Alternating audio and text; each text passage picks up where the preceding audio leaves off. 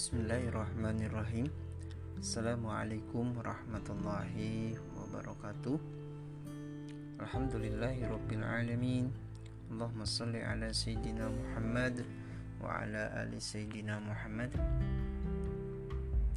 Alhamdulillah pada kesempatan ini Kembali kita bertemu uh, Pada mata kuliah Filsafat Pendidikan. Adapun uh, tema yang kita bahas hari ini adalah masalah pokok filsafat dan pendidikan yang diwakili oleh kelompok tiga ya. Yaitu pertama ada saudara Ahmad Nur Abdul Wahid kemudian ada saudari Saleha dan ada saudari Anggia Hevi Pratiwi nah adapun dari kelompok tiga ini itu pertemuan ke-6 ya kembali kita membahas itu masalah pokok filsafat dan pendidikan. Nah, adapun kesimpulan dari Bapak yang bisa Bapak sampaikan dari beberapa pertanyaan uh, dan juga Bapak ucapkan terima kasih kembali baik pemateri maupun kawan-kawan yang sudah bertanya dan juga yang menambahkan maupun memberikan tanggapan lainnya. Mungkin langsung saja eh, kesimpulan kita di sini dari beberapa pertanyaan ya ada sembilan ya karena ini sifatnya eh, perwakilan kelompok masing-masing itu wajib bertanya satu orang yang sudah disepakati bersama kelompoknya masing-masing. Nah, yang pertama di sini yaitu ada pertanyaan dari saudari Asnawati. Asnawati bertanya, perwakilan dari kelompok 4 ya. Nah, jelaskan pokok-pokok persoalan filsafat yang berkaitan dengan masalah pendidikan. Yang perlu kita ketahui bahwa setiap persoalan itu pastinya menuntut sebuah jawaban. Nah, yang dalam tataran individu, jawaban dapat berdasar pada perspektif masing-masing. Artinya, suka-suka kita mau menjawab seperti apa ya kan? Seperti itu. Kalau ada persoalan atau pertanyaan. Tetapi e, jawaban tidak selamanya mampu memuaskan para pihak yang menghadapi persoalan yang sama.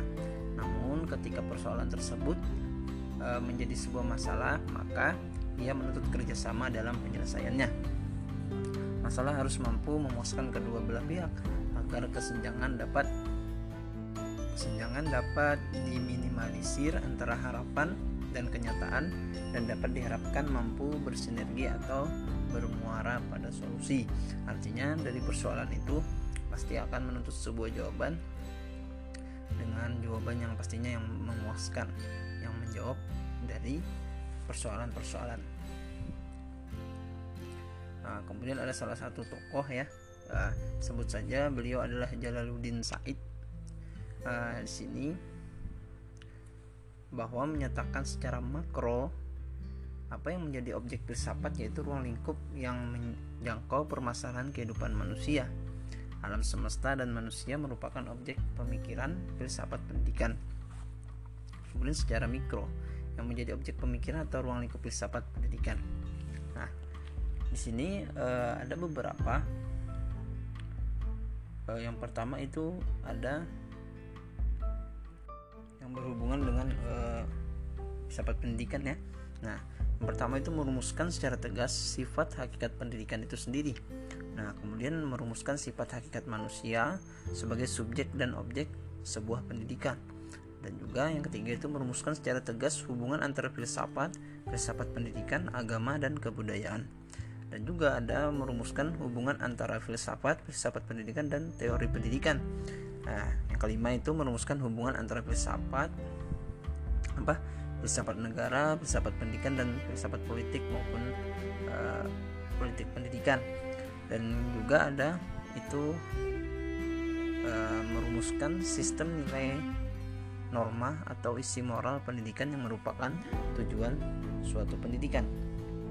Nah, dengan demikian, ruang lingkup filsafat pendidikan di sini adalah masalah-masalah yang terdapat dalam kegiatan pendidikan seperti masalah tujuan pendidikan, masalah guru, kurikulum, metode dan lingkungan. Secara umum ruang lingkup pembahasan filsafat pendidikan ini adalah pemikiran yang serba mendalam, mendasar, sistematis, terpadu, menyeluruh dan universal mengenai konsep-konsep yang berkaitan dengan pendidikan. Artinya sebenarnya uh, tujuan kita belajar filsafat pendidikan itu ya ini artinya kita bagaimana uh, apa mengetahui atau ruang lingkup filsafat pendidikan tadi dengan berbagai macam masalah yang kita hadapi. Nah kita harus mencari solusinya. Seperti tadi masalah tujuan pendidikan masalah guru kurikulum metode lingkungan. Nah kita sebagai seorang apa alumni nantinya manajemen kita harus bisa memecahkan masalah-masalah uh, tersebut. Nah. Nah kemudian uh, yang tadi persoalan-persoalan pendidikan. Uh, berarti awal dari permasalahan pendidikan yang menuntut sebuah jawaban.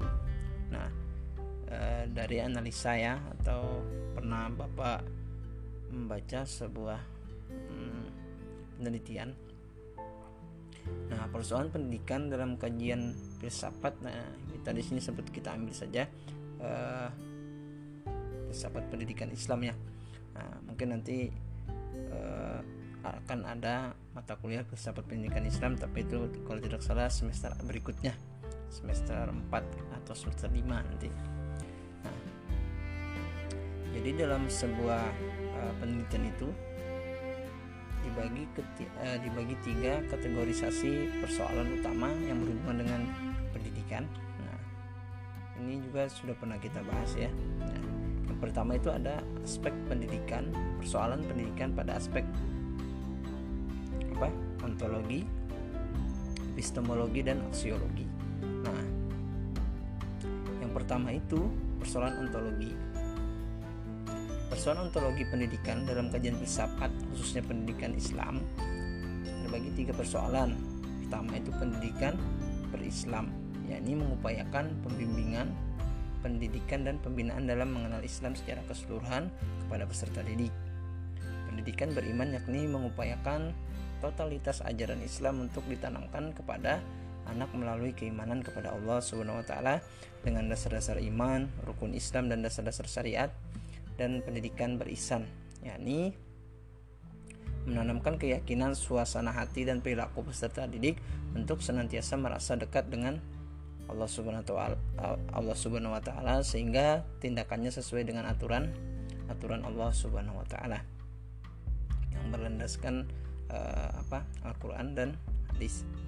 Nah, kemudian persoalan epistemologi pendidikan dalam kajian filsafat pendidikan khususnya filsafat pendidikan Islam di sini yaitu proses pendidikan dalam tataran sistem pendidikan Islam yaitu ruang lingkupnya adalah tujuan pendidikan Islam. Kurikulumnya materinya metodenya pendidik peserta didik kemudian sarana prasarana kemudian alat pendidikan dan pendekatan itu sendiri.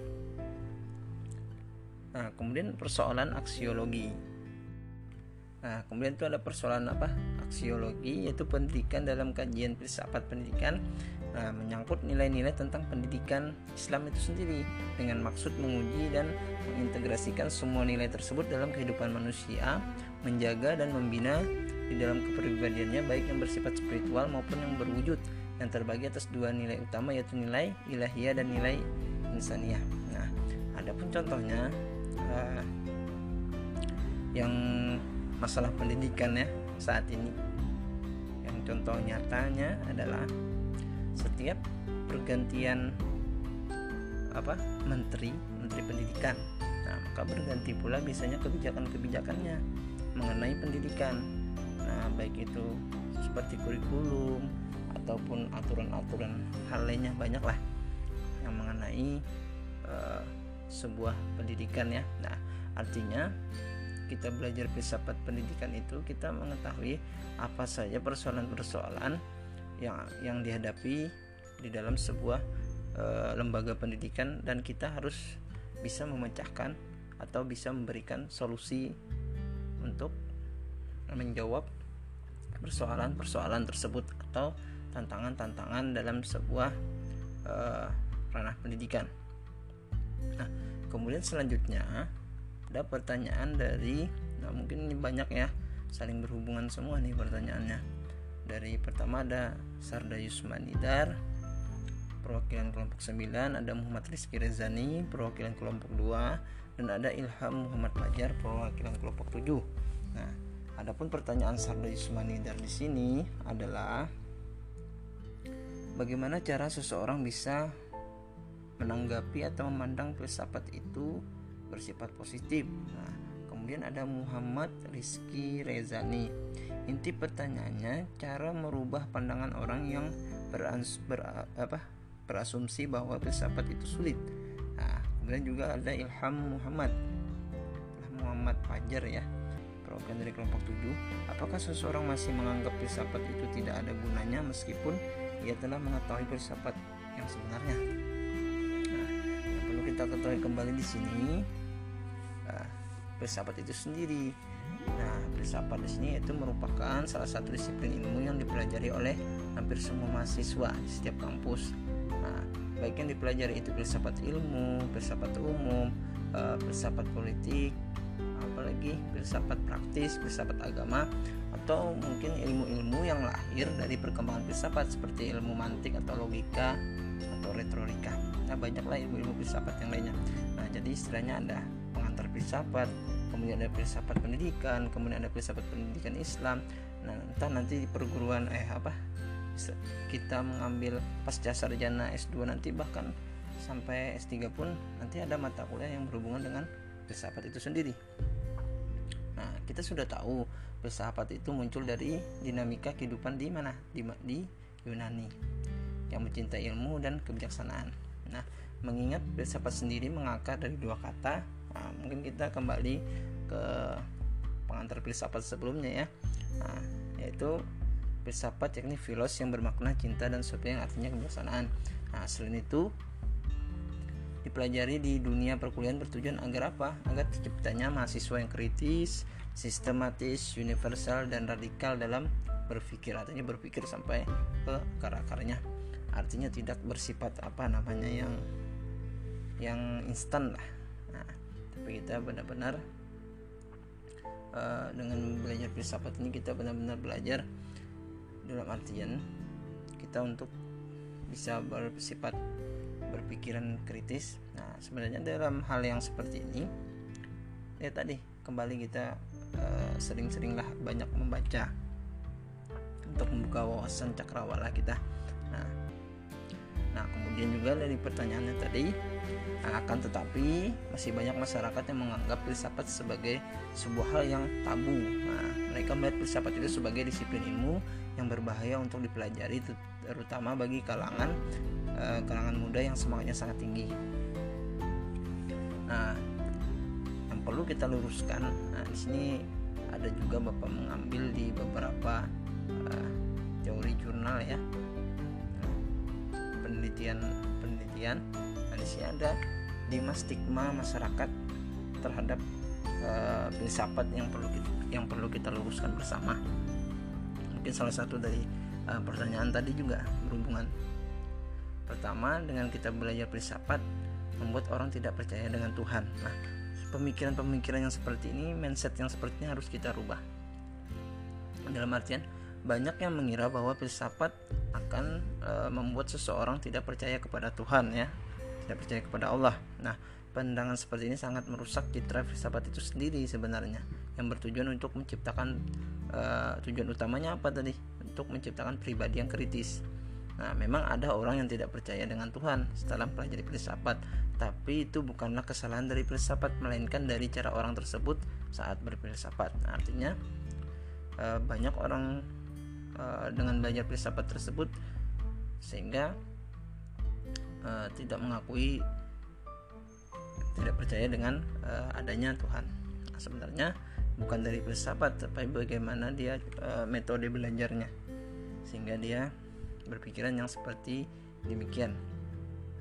Nah, dalam dalam cara berfilsafat itu biasanya seseorang menghancurkan pola pikir lamanya nah, artinya pola pikir lama itu istilahnya uh, yang pemikiran-pemikiran orang lama lah ya kan? Sehingga yang pada saat ini kita lebih kepada ke yang modern. Nah kemudian mencari tahu hakikat dari sesuatu baru me, apa merekonstruksi pola pikir baru dan yang membuat seseorang itu tidak percaya kepada Tuhan ialah ketika dia tidak menyelesaikan tahap pencarian hakikat tetapi ia malah langsung masuk ke tahap rekonstruksi pemikiran.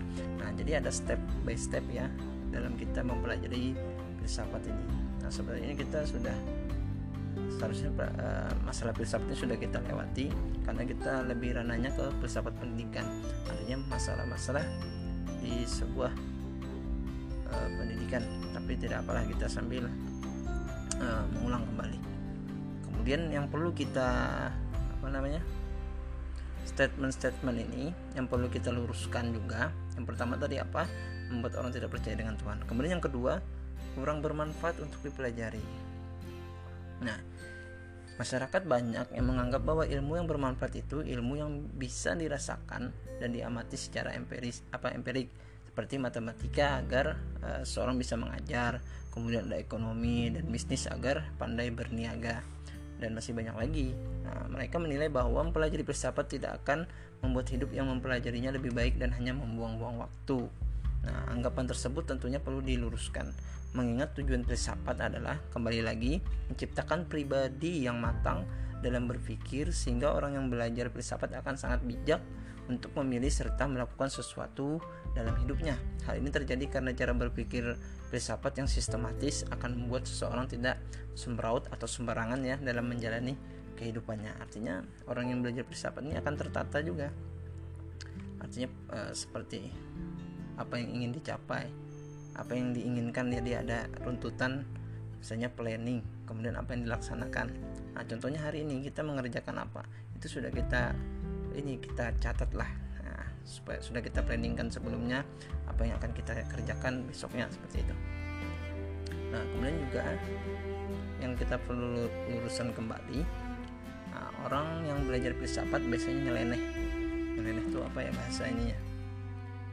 Celatuk lah nah orang yang orang yang telah belajar filsafat sering kali dicap nyeleneh dalam berpikir. Kadang pola pikirnya berbeda dengan masyarakat kebanyakan dan hal ini yang membuat stigma itu melekat pada filsafat sebenarnya. Mereka itu bukan nyeleneh sebenarnya tetapi pemikirannya lebih apa bahasanya ya lebih out of the box. Nah justru dengan gaya berpikir yang unik masyarakat harusnya mengerti bahwa ia mungkin memiliki sudut pandang lain dalam menilai sesuatu atau mungkin dia telah menggali sesuatu itu sampai ke dasar mengetahui hakikatnya. Nah, oleh karena itu yang perlu dilakukan masyarakat ialah memberikan ruang baginya dan bersikap toleran bukannya memberikan stempel negatif. Artinya, terkadang kita memiliki pemikiran yang berbeda dengan masyarakat yang biasa dalam artian e, masyarakat biasa ya artinya orang-orang yang memang berkecimpung hanya di lingkup masyarakat tersebut. Nah sedangkan kita kan kita belajar nih belajar filsafat. Nah artinya kita dalam artian belajar filsafat kita banyak membaca ataupun melakukan hal penelitian hal lainnya sehingga kita memiliki uh, pengetahuan yang lebih dari orang-orang yang ada sebuah masalah yang harus dipecahkan tersebut. Nah tetapi malah kita yang dianggapan anggapan masyarakat ini pemikiran kita ini tidak masuk akal. Nah padahal kita tuh sudah melewati itu gitu dalam sebuah penelitian atau dalam uh, kita membaca buku atau penelitian lainnya ya nah, terkadang kita tidak malah kita yang dianggap gitu nah, di suatu masyarakat padahal pemikiran kita adalah yang benar karena uh, kita sudah mengkaji sebelumnya permasalahan apa misalnya tersebut yang terjadi di lingkup masyarakat. Nah, kemudian yang perlu kita luruskan kembali di sini uh, yaitu filsafat hanya akan bermanfaat jika dipakai untuk berpolitik. Nah, ini yang harus kita ini juga ya kita apa namanya pemikiran-pemikiran yang seperti ini yang harus kita luruskan. Nah, contohnya uh, mungkin seperti kontestasi apa pemilihan presiden sebelumnya ya kan banyak tuh yang muncul sosok-sosok pemikir uh, filsafat ya contohnya siapa yang terkenal? Banyak kan? Ya kita sebut saja misalnya siapa? Rocky Gerung. Nah, nah Rocky Gerung di sini kita lihat kemarin itu dengan gaya bicaranya retorikanya dalam menyampaikan sebuah filsafat. Nah tentunya mempengaruhi masyarakat terhadap filsafat itu sendiri. Nah masyarakat menganggap bahwa filsafat itu hanya akan berguna jika dibawa ke kancah politik. Nah karena saat kontestasi apa pemilihan presiden kemarin muncullah orang-orang yang berpikiran filsafat. Jadi seolah-olah dianggap filsafat ini hanya bermanfaat dipakai untuk berpolitik. Nah nah anggapan itu agak menarik karena nampaknya masyarakat sudah menyadari bahwa filsafat itu memiliki manfaat. Nah tetapi masyarakat ini sudah memandang bahwa filsafatnya ada manfaatnya tapi hanya ke ranah politik. Nah ya kan Nah, tadi meskipun dalam penempatannya membuat filsafat cenderung kaku. Nah, artinya perlu kita ketahui bahwa filsafat akan bermanfaat di mana saja karena sifatnya yang universal, artinya menyeluruh. Oleh karena itu, banyak ragam filsafat yang dipelajari oleh mahasiswa nah, yang sudah disebutkan sebelumnya, baik itu ada filsafat politik, filsafat ilmu, filsafat agama dan e, filsafat lainnya. Nah, adapun statement yang kelima ini lebih ekstrim lagi yang perlu kita ketahui. Nah, ada yang mengatakan uh, dengan mempelajari filsafat bisa membuat orang menjadi gila. Wah ini jauh nih. Orang bisa gila karena belajar filsafat. Nah pandangan ini sedikit lucu sebenarnya. Orang gila biasanya terjadi karena ketidakmampuan dirinya dalam menghadapi berbagai tekanan sehingga nalarnya tidak berjalan semestinya. Nah sedangkan filsafat justru membuat nalar teraktivasi agar nalar tidak membeku pada suatu pendapat sehingga orang yang mempelajari filsafat selalu memiliki banyak solusi untuk memecahkan setiap permasalahannya nah ya kan karena filsafat tadi kita karena kita banyak membaca karena kita banyak uh, melakukan sebuah penelitian atau hal lainnya yang uh, berhubungan dengan masalah yang dihadapi tentu kita memiliki banyak solusi untuk memecahkan permasalahan tersebut. Nah, dalam tidak bukan hanya uh, dalam hal lain misalnya ada suatu masalah ternyata harus dipecahkan dengan cara yang rumit. Nah sedangkan orang pemikiran apa berfilsafat dia akan mencari solusi bagaimana suatu permasalahan itu diselesaikan dengan cepat dan dalam artian yang masuk akal seperti itu. Nah dalam beberapa yang perlu kita luruskan tadi berfilsafat sendiri masih dianggap tabu oleh sebagian orang karena uh, stereotip ya populer terhadap filsafat sudah melekat di benak masyarakat. Nah, meluruskan stigma masyarakat sangat penting mengingat ini merupakan salah satu bentuk edukasi bagi masyarakat agar masyarakat lebih terbuka lagi bagi hal-hal baru yang hadir di kemudian hari.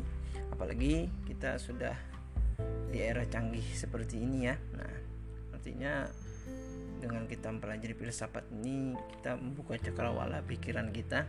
Walaupun teknologi canggih tapi jangan sampai teknologi itu yang memanfaatkan kita tapi bagaimana kita yang memanfaatkan teknologi itu membantu kita untuk dalam e, membantu menyelesaikan sebuah permasalahan apa saja apalagi berkaitan dengan e, pendidikan ya. Nah bukan e, teknologi yang ini kita tapi kita lah yang bisa mengatur waktunya mungkin itu uh, dari ketiga orang penanya tadi yang sudah disebutkan sebelumnya.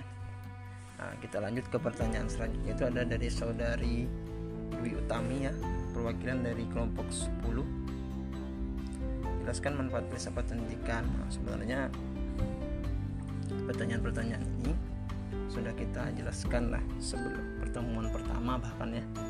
Pertemuan pertama pertemuan kedua. Nah setiap ilmu sudah pasti memiliki fungsi dan kegunaan ya kan? Termasuk juga filsafat pendidikan. Nah, kemudian juga banyak eh, apa para ahli di bidang filsafat ini banyak meneliti secara teoritis mengenai penggunaan filsafat pendidikan. Kita sebut saja salah satu tokohnya uh, Umar Muhammad Al-Taimi Al-Saibani misalnya mengumu, apa, mengemukakan uh, ada beberapa manfaat dari mempelajari filsafat pendidikan. Yang pertama itu ada filsafat pendidikan itu dapat menolong para perancang pendidikan dan orang-orang yang melaksanakannya dalam suatu negara untuk membentuk pemikiran sehat terhadap sistem pendidikan. Di samping itu, ia dapat menolong tujuan-tujuan dan uh, fungsi-fungsinya serta meningkatkan mutu penyelesaian masalah pendidikan, peningkatan tindakan dan kepuasan termasuk rancangan-rancangan pendidikan mereka. Selain itu juga ia juga berguna untuk memperbaiki peningkatan pelaksanaan pendidikan serta kaidah dan cara mereka mengajar uh, yang mencakup penilaian bimbingan dan penyuluhan itu salah satunya ya kemudian juga ada filsafat pendidikan dapat menjadi asas yang terbaik untuk penilaian pendidikan dalam arti yang menyeluruh nah penilaian pendidikan itu dianggap persoalan yang perlu bagi setiap pengajaran yang baik dalam pengertian yang, ber, uh, yang terbaru penilaian pendidikan meliputi segala usaha dan kegiatan yang dilakukan oleh sekolah, institusi-institusi secara umum untuk mendidik angkatan baru dan warga negara dan segala yang berkaitan dengan ini dengan filsafat pendidikan tadi. Nah, kemudian juga filsafat pendidikan akan menolong dalam memberikan pendalaman pikiran bagi faktor-faktor spiritual, kebudayaan, sosial, ekonomi dan politik negara kita. Kemudian dapat kita simpulkan dari beberapa uh, yang disampaikan oleh tokoh salah satu tokoh tadi itu Umar Muhammad Talibi timbul kesan uh, bahwa kegunaan dan fungsi pusat pendidikan ternyata amat strategis. Ia seolah-olah menjadi acuan dalam memecahkan berbagai persoalan dalam hal pendidikan. Nah, ini sebenarnya sudah disebutkan juga tadi kan. Artinya kita belajar filsafat pendidikan ini bagaimana kita menyelesaikan atau memecahkan sebuah persoalan-persoalan di dalam uh, ranah pendidikan, ruang ruang lingkup pendidikan. Hal ini disebabkan karena apa? Yang diselesaikan peserta pendidikan itu adalah bidang filosofisnya nah, yang menjadi akar dari setiap permasalahan pendidikan. Dengan berpedoman kepada filsafat pendidikan ini, setiap masalah pendidikan dapat dipecahkan secara komprehensif, integrated, dan tidak parsial. Nah, artinya melihat sebagian besar jasa yang dimainkan oleh filsafat ini tidak mengherankan uh, jika salah satu tokoh tadi lebih lanjut mengatakan Seharusnya filsafat pendidikan, amalia pendidikan, dan pengajaran mendapat penghargaan dan penghormatan dari pihak-pihak pengajar, para guru, dan orang-orang yang berkiprah dalam bidang pendidikan. Dengan penghargaan dalam arti memanfaatkan jasa filsafat pendidikan ini dengan sebaik-baiknya, mereka akan uh, apa, memiliki kesadaran dan rujukan intelektual yang berguna untuk membela tindakan-tindakannya dalam bidang uh, pendidikan dan pengajaran. Nah, itu uh, apa salah satu salah satu bukan salah satu ya beberapa manfaat filsafat pendidikan. Cuma tujuan utamanya itu tadi memecahkan persoalan-persoalan di apa di ranah pendidikan. Nah, itu kita belajar filsafat pendidikan itu. Jadi kalau kita uh, bapak lihat kan sebelum-sebelumnya masih banyak arahnya lari ke pertanyaan ke filsafatnya. Sebenarnya kita sudah memasuki ke ranah sahabat pendidikan. Jadi bagaimana kita mencari solusi dalam memecahkan suatu masalah di dalam uh, ranah pendidikan tersebut. Kemudian kita lanjut ke pertanyaan uh, saudari Nur Ijatil Hasanah perwakilan kelompok 5 nah, ini pertanyaannya mengapa aliran empirisme bertolak belakang dengan aliran nativisme? Nah kalau tidak salah ini sudah uh, kalau tidak hilap sudah sudah bapak jawab ya. E, di pertemuan sebelumnya ada juga yang mempertanyakan hal yang demikian. Tapi kita sifatnya mengulang kembali. Nah ya, tadi juga maksud bapak kan artinya pertanyaan-pertanyaan seperti ini ya memang ya lebih ke filsafatnya filsafatnya lagi ya. Tapi kita arahkan ke pendidikannya. Nah yang pertama itu ada aliran nativisme Nah, kemudian juga kita uh, mengetahui tokoh aliran ini adalah Arthur Schopenhauer. Nah, ia berpendapat bahwa perkembangan manusia itu telah ditentukan oleh faktor-faktor yang dibawa manusia sejak lahir. Pembawaan pembawaan yang telah terdapat pada waktu dilahirkan itulah yang menentukan hasil perkembangan. Jadi pendidikan tidak dapat mengubah sifat-sifat pembawaan dengan kata lain, faktor lingkungan maupun faktor pendidikan kurang berpengaruh terhadap perkembangan dan pendidikan anak. Nah, kemudian ada aliran naturalisme. Aliran ini dipelopori oleh Gigi Rousseau. Masio berpendapat bahwa semua anak baru dilahirkan punya pembawaan baik. Pembawaan baik akan menjadi rusak karena dipengaruhi lingkungan. Pendidikan yang diberikan orang dewasa malah dapat merusak pembawaan baik anak itu. Sehingga faktor lingkungan dan faktor pendidikan sangat berpengaruh terhadap perkembangan dan pendidikan anak. Kemudian juga ada ada aliran empirisme yang ditanyakan tadi kan yang bertolak belakang dengan aliran nativisme. Nah, aliran empirisme aliran dipelopori oleh John Locke yang bertolak belakang dengan aliran nativisme tadi karena aliran empirisme berpendapat bahwa dalam perkembangan anak menjadi manusia dewasa itu ditentukan oleh lingkungan, pendidikan dan pengalaman yang diterimanya sejak kecil ya, sehingga sifat bawaan dari lahir tidak menentukan perkembangan anak. Kemudian ada uh, juga uh, aliran konvergensi yaitu aliran konvergensi dipelopori oleh tokoh tokohnya yaitu William Strand. Ia berpendapat bahwa seorang anak dilahirkan di dunia sudah disertai pembawaan baik maupun pembawaan buruk. Proses perkembangan anak baik faktor pembawaan maupun faktor lingkungan sama-sama mempunyai peranan sangat penting. Bakat yang dibawa pada waktu lahir tidak akan berkembang dengan baik tanpa adanya dukungan lingkungan sesuai untuk perkembangan anak itu. Nah, jadi dari berbagai macam-macam teori perkembangan tersebut baik itu yang ditanyakan tadi aliran empirisme bertolak belakang dengan aliran e, nativisme.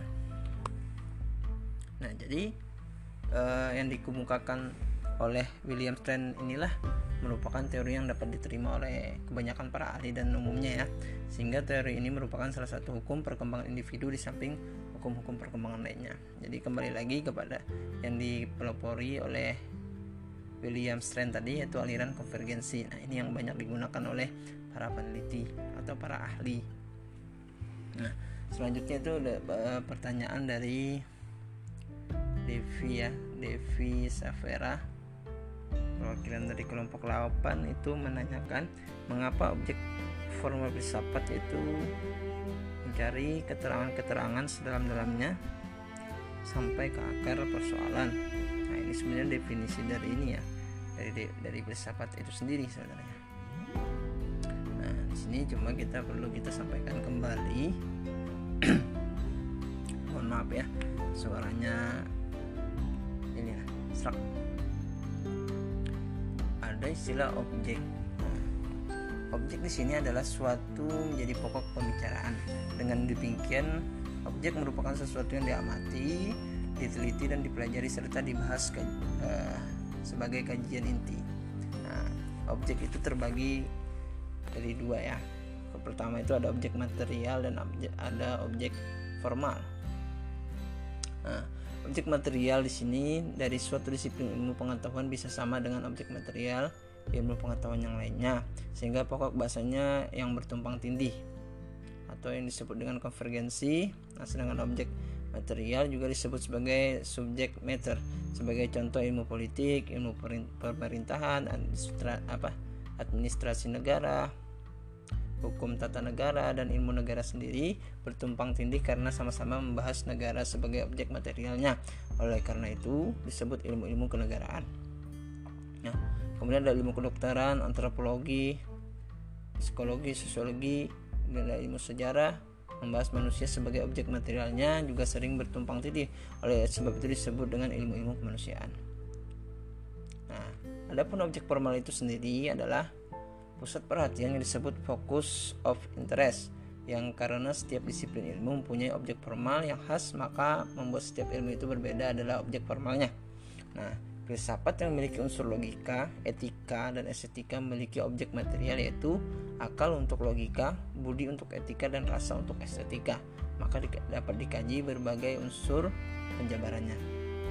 Oleh karenanya, objek material filsafat yaitu akal menjadi objek material semua ilmu, budi menjadi objek material semua moral, dan rasa menjadi objek material semua seni secara universal. Bagaimanapun kemudian diberi nuansa pengolahan. Jadi ada tiga tadi. Ada apa? Akal budi dan rasa.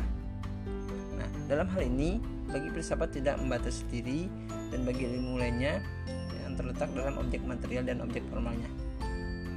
Nah juga uh, telah kita ketahui bahwa objek ilmu filsafat adalah kebenaran kebaikan dan keindahan secara berdialektika yang mana ketiganya merupakan kata sifat dari objek material dan karena ketiganya kebenaran itu sendiri, kebaikan itu sendiri dan keindahan itu sendiri dibahas secara khusus oleh filsafat, maka kebenaran, kebaikan dan keindahan menjadi objek formal filsafat. Nah, suatu contoh kekuasaan menjadi objek formal ilmu politik, kemudian pelayanan objek formal ilmu administrasi negara. Ada juga konstitusi objek formal ilmu negara, objek formal tersebut yang membuat masing-masing disiplin ilmu menjadi berdiri sendiri. Namun dapat dilihat bahwa kekuasaan yang dikaji adalah kebenaran kekuasaan, pelayanan yang dikaji adalah kebenaran pelayanan, eh, kemudian konstitusi yang dikaji adalah kebenaran konstitusi.